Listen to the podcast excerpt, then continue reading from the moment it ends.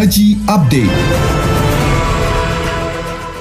Panitia penyelenggara ibadah haji PPIH Arab Saudi memastikan perlindungan dan pelayanan bagi jamaah dilakukan secara maksimal, termasuk fasilitas yang diberikan saat jamaah berada di tenda-tenda atau maktab. Hal ini diungkapkan Kepala Satgas Khusus Mina, Zainal Mutakin. Jumlah jamaah yang akan meninggalkan Mina menuju Mekah dibatasi, yakni masing-masing 50 persen untuk jamaah yang akan melakukan nafar awal pada 12 Zulhijjah sebelum terbenamnya matahari dan bagi jamaah yang akan melaksanakan nafar sani pada 13 Zulhijjah besok kita terbatasi dibatasi ya bukan keterbatasan. Dibatasi karena memang ini hari Jumat. Uh, jadi uh, 50 persen ya targetnya 50 persen untuk yang nafar awal 50 persen juga nafar uh, sani. Jadi uh, untuk uh, datanya kita memang uh, dibatasi dalam artian uh, hanya sebatas 50 persen untuk uh, jamaah yang akan meninggalkan uh, Mina menuju yeah. Mekah itu pada 50 persen 100 ribu berarti kemudian yang untuk di Napasani juga sekitar 100 ribuan. Uh, secara keseluruhan memang Napasani tanggal 13 ya. Jadi yang pertama untuk yang meninggalkan Mina nanti kita akan usahakan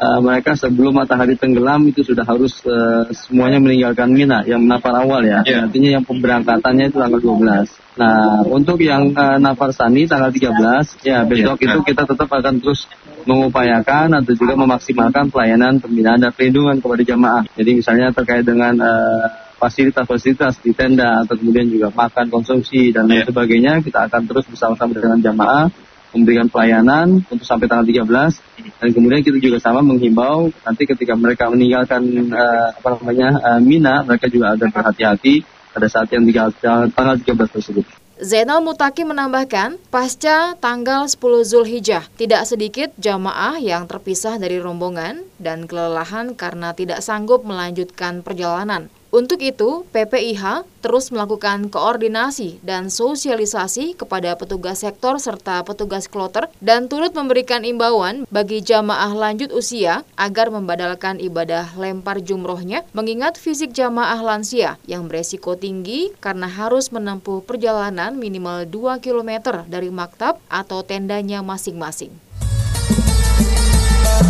Haji Update